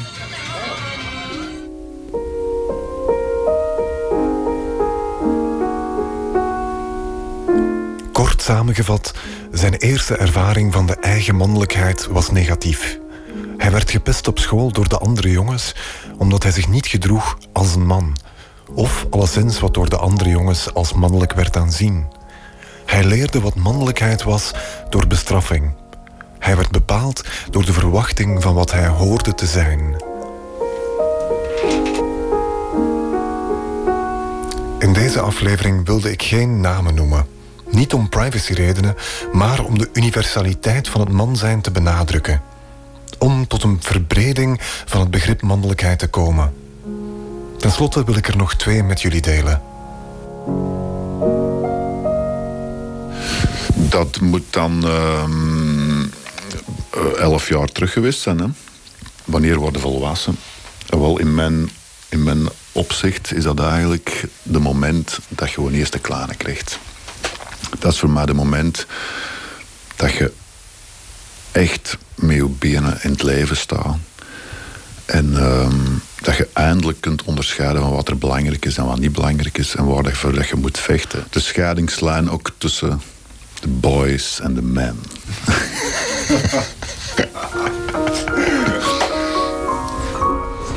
De eerste keer dat ik me echt man heb gevoeld, dat was toen ik uh, ja, eindelijk thuis kwam, zeg maar, laat ik het zo maar noemen. Ik heb uh, jarenlang gevochten tegen mijn homoseksualiteit. eh, ontkend, uh, gedacht dat ik genezen was enzovoort. Ben getrouwd geraakt met een vrouw, kinderen gekregen en op een gegeven moment toen zat ik er helemaal in vast. Dus ik voelde me een beetje als een. Uh, ik weet niet of je de film War Horse gezien hebt. Het gaat over een paard wat in de Eerste Wereldoorlog op het slagveld in België rondhuppelde. En op een gegeven moment helemaal verstrikt raakte in prikkeldraad. Nou, zo voelde ik me. Ik zat op een gegeven moment helemaal vast. Ik had het zelf gedaan. Ik had me er zelf ingestort. Maar het gevoel van ik kan niet verder meer. En toen kwam ik een collega tegen met wie ik ja, in het buitenland was op een reis. En uh, we hadden een hele dag met z'n tweeën opgetrokken. En nou ja, toen s'avonds wat gedronken. En de volgende morgen werden we in elkaars armen wakker. En dat was voor mij echt het moment waarop ik me thuis voelde komen. Een man voelde worden. Omdat ik in de periode daarvoor uh, met mijn vrouw altijd het gevoel had van tekortschieten. Uh, niet kunnen voldoen aan haar verlangens. Ja, ik bedoel, lichamelijk functioneerde allemaal wel. Er zit geen passie bij, dus je, je hart zit er niet bij. En dat was hier wel. En uh, ja, toen ik die ochtend wakker werd, voelde ik me echt man. En daarna viel de hele wereld een grote dreun op, op, op mijn kop. Maar dat ene moment was een heel bijzonder.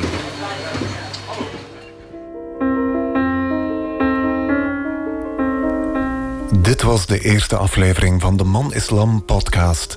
In de volgende aflevering spreken we met mannenwetenschappers over onderwijs, what makes a man into a man en nog veel meer. Deze podcast werd geschreven en verteld door Rashif El-Kawi en geëdit door Chris Humé. Deze podcast is een onderdeel van het project De Man Islam, een zoektocht naar man zijn in theater, fotografie en radio. En werd gecreëerd door Rashif El-Kawi, Lucas de Man en Ahmed Polat. Dit project kwam mede tot stand met de steun van Stichting Nieuwe Helden, Stageset van Theater Zuidplein, Het Zuidelijk Toneel en VPRO Nooit meer slapen. Dank u wel voor het luisteren en graag tot een volgende keer.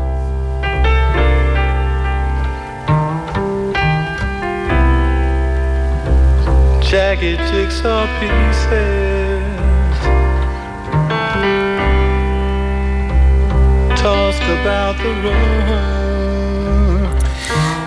De Man Islam, deel 1 dus. Komende maandag het tweede deel. En maandag dan beginnen we ook nog met een uh, ander bijzonder project. Het heet De Kloof.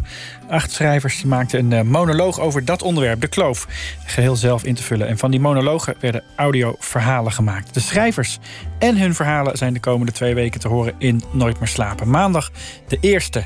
Dan praat uh, Pieter van der Wielen met Babs Gons. En straks kunt u luisteren naar De Nacht van de Radio van BNN-Vara. Een goede nacht.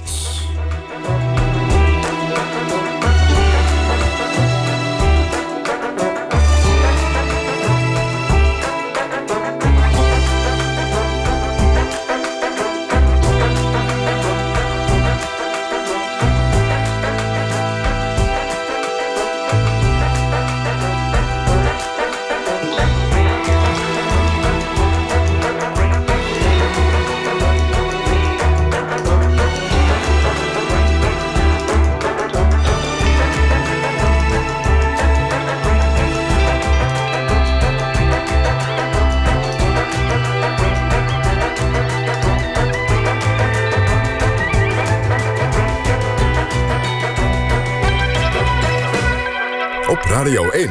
Het nieuws van alle kanten.